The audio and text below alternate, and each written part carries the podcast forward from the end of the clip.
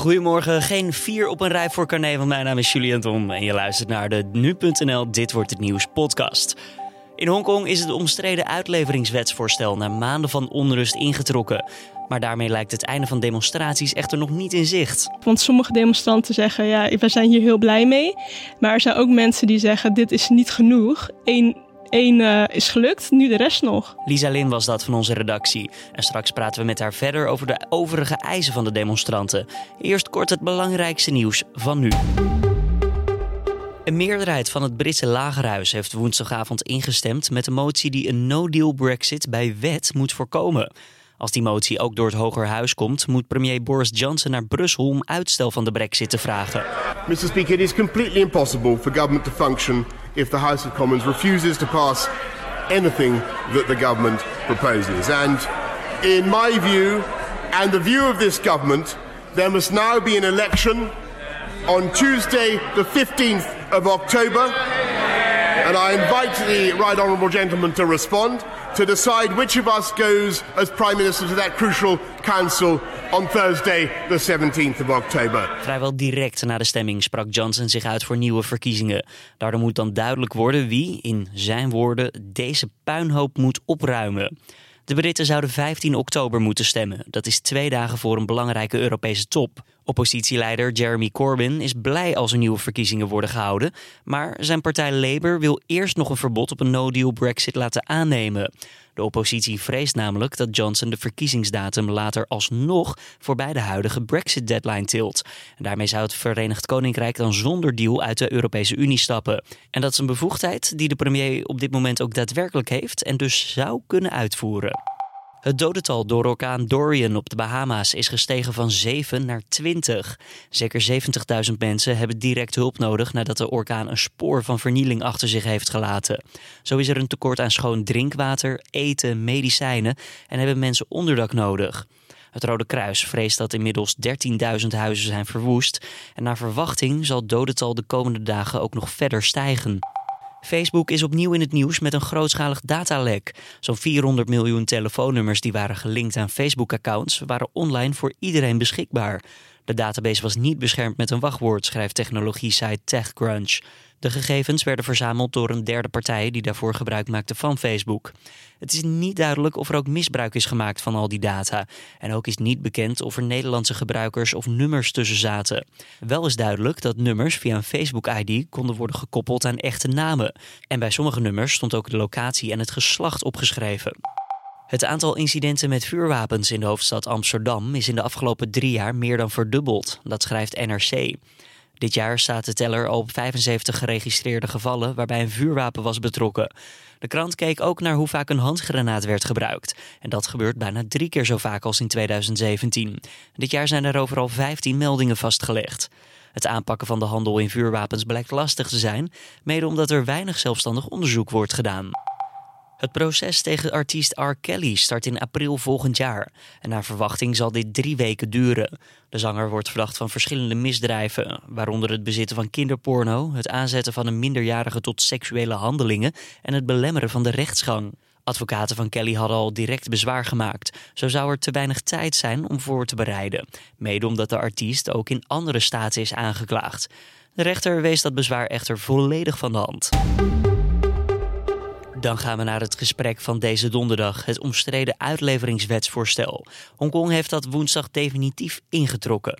特区政府会正式撤回条例草案，完全释除市民嘅疑虑。保安局局长会喺立法会复会后，按议事规则 动议撤回条例草案。 De Hongkongse bestuurder Carrie Lam was dat. Via een speech op televisie maakte ze het besluit bekend in de speciale Chinese regio. Zoals gezegd was het al maanden onrustig in de regio vanwege het wetsvoorstel. Hongkong was daardoor ook meermaals internationaal nieuws. Aangeschoven hierover Lisa Lin van de Nu.nl-redactie. Lisa, om te beginnen, de demonstranten die hadden in totaal vijf eisen. En het wetsvoorstel intrekken daarvan was er maar eentje. Is er dan nu toch een soort van sprake van tevredenheid bij de demonstranten nu dit is gebeurd? Er zijn demonstranten natuurlijk die heel blij zijn met het besluit, want de intrekking van het uh, wetsvoorstel, dat, daar is het eigenlijk mee begonnen. Maar er zijn ook demonstranten die nu zeggen het is niet genoeg. Zij vinden dat Carrie Lam meer actie moet ondernemen. Want intussen is er zoveel gebeurd dat ze eigenlijk veel meer willen van haar. Ze zijn al drie maanden bezig, hè, Dick? Ja, klopt. In het begin ging het echt om het wetsvoorstel. Inmiddels zijn meerdere demonstraties uit de hand gelopen. De politie die heeft hard ingegrepen. En veel demonstranten zijn bijvoorbeeld van mening dat de politie veel te veel geweld tegen hen gebruikt. Ja. En daarom wilden ze bijvoorbeeld ook een onderzoek daarnaar. Dus dat eisen ze ook. Ja, laten we zo meteen verder kijken naar die vier andere uh, eisen inderdaad van de demonstranten. Eerst even de uh, Carrie Lam, de uh, Hongkongse bestuurder. Haar positie. Wat kunnen we daar op dit moment over zeggen? Want zij, gaat, zij geeft hier toe eigenlijk aan de demonstranten. Ja, dat is lastig te zeggen. Uh, meerdere malen hebben we berichten gehad waarin zij zei: Ik ben niet van plan om af te treden. Dat heeft ze deze week ook weer herhaald. Nadat er een audiofragment lekte waarin ze vertelde. Um, als ik de keuze had, dan zou ik mijn excuses aanbieden en aftreden. Laten we heel even daar ook naar luisteren. If I have a choice, the first thing is to quit. Having made a deep apology is to step down. So I, I, I, uh, I make a plea to you for your forgiveness. Dat was Carrie Lam dus, uh, met de beruchte audiotape. Dus zij wist niet dat het werd opgenomen, hè? Nee, dat wist zij niet. Dus dat uh, kwam eigenlijk, ik denk, als een grote verrassing voor haar. In de videoboodschap die nu naar buiten is gekomen, waarbij zij zelf uh, naar buiten brengt dat de wet is ingetrokken. Hoe vond je haar daarover komen, Carrie Lam? Ze kwam heel zakelijk over. Je zag ook wel echt duidelijk dat het uh, goed voorbereid was. En dat uh, de speech gewoon van tevoren woord voor woord was vastgelegd. Maar dat is ook wel, in deze situatie is dat misschien ook wel uh, logisch, aangezien er zoveel ophef is ontstaan. Ja, totaal, totaal andere wereld eigenlijk met die verborgen audiotape ja, ja. die naar buiten kwam. Ja, dan de vier andere eisen van de demonstranten. Je zei het net al eventjes, onderzoek naar het handelen van de politie. Ja, dat klopt. Uh, Carrie Lam heeft tijdens haar uh, toespraak op televisie ook aangegeven dat ze een onafhankelijk onderzoek niet nodig vindt. En dat komt omdat uh, de politie momenteel ook een klachtencommissie heeft. En die is ook onafhankelijk. En zij stelt dat zij deze klachten, de klachten van de demonstranten ook kunnen behandelen. En daarom geen reden is om weer iets nieuws op te richten. Is dat dan wel voldoende voor de demonstranten? Zeggen zij van nou oké, dan hebben we een antwoord. Begrijpen we? Nou, ik vrees van niet eigenlijk. Want ik zie al heel veel berichten langskomen van demonstranten die zeggen: één eis is, uh, één eis dat uh, is ons gelukt. Nu de rest nog. Wat de volgende eis is: uh, de regering moet het woord rellen niet meer gebruiken met betrekking tot de ongeregeldheden. Ja, wat Carrie Lam daarover zegt, is dat het niet uitmaakt of we het rellen noemen of niet. omdat justitie de zaken behandelt op basis van de feiten, van wat mensen hebben gedaan. En het maakt dus niet uit of wij zeggen of het relschoppers zijn of niet. Nee, maar het, het klinkt natuurlijk wel gekleurd, hè? Het woord rellen. Ja. Dus dat zullen, de demonstranten die zullen zoiets hebben, we worden hier neer negatief afgebeeld. Ja. Ja, dat uh, is natuurlijk wel te begrijpen, ja. Maar zo, zover we nu weten, lijkt het er niet op alsof uh, Lem gaat zeggen: we gaan uh, ermee stoppen. En een van de eisen is de vrijlating van de opgepakte demonstranten en intrekking van de aanklachten tegen hen. Dat is de vierde eis. Op dit moment uh, weten we dat er uh, minstens 1100 mensen zijn opgepakt in de afgelopen maanden. Een deel van hen uh, is ook wel vrijgelaten. Ik weet de precieze cijfers niet. Maar um, volgens Lam is het dus onacceptabel om die mensen die nog vastzitten vrij te laten en de aanklachten te laten vallen. Omdat zij zegt, we hebben een rechtssysteem en daar moeten wij ons aan houden. We kunnen niet bepaalde strafbare feiten uit het rechtssysteem schrappen, alleen omdat de demonstranten dat willen. Nee, want er is geweld gebruikt tegen agenten, maar ook tegen demonstranten. En dit moet eerlijk verlopen volgens het rechtssysteem, zegt zij. Ja, klopt. Zij zegt de demonstranten die uh, zich hebben misdragen, die uh, moeten aan het rechtssysteem onderworpen worden. En tegelijkertijd zegt ze ook met dat onderzoek van de politie dat uh, als de politie iets verkeerd heeft gedaan, dat dat ook wordt aangepakt. En dan de vijfde eis, Lisa, wat is dat? De demonstranten die willen ook universeel stemrecht. En dat hebben ze nu niet, hè, voor de duidelijkheid in Hongkong. Nee, dat klopt. De situatie in Hongkong is eigenlijk best wel ingewikkeld. Ze hoorden, uh, de regio die hoorde tot 1997 bij het Verenigd Koninkrijk. Toen het gebied werd overgedragen aan China, is een grondwet gekomen. En daarin staat dat de inwoners universeel stemrecht krijgen. Om op die manier zelf hun hoogste bestuurder aan te wijzen. En momenteel is daar dus nog geen sprake van. Maar zit er dan wel aan te komen? Of Nou, dat hopen de demonstranten wel. Maar Carrie Lam die zegt nu dat ze op dit moment is uh, het is geen goed moment voor discussie. Maar in de grondwet staat dus wel dat zij dat universeel stemrecht krijgen. Alleen de vraag is wanneer. De grondwet geldt tot 2047. Maar het is niet zeker of ze voor die tijd dat stemrecht krijgen. Opnieuw jij kregen we ook veel te lezen over dat er enkele weken geleden uh, legervoertuigen waren te zien in Hongkong. Waarom heeft China nou eigenlijk niet met al dat machtsvertoon wat ze toen lieten zien ingegrepen?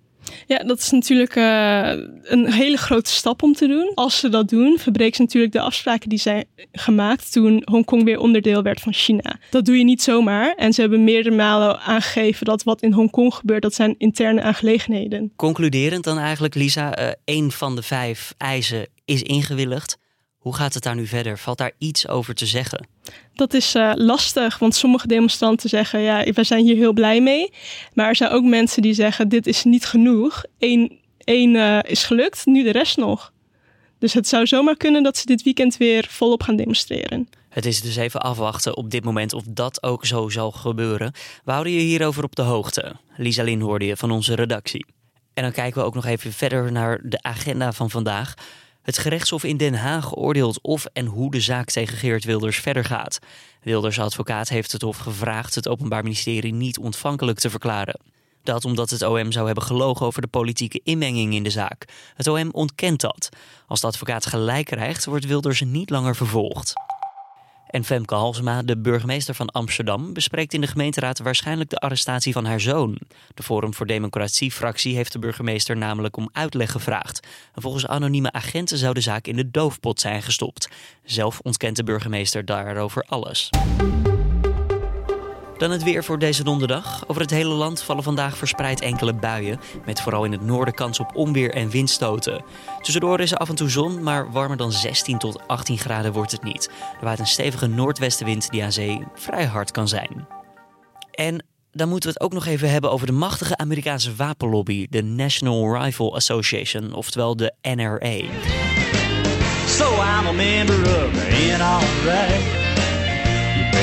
Listen what I've got to say.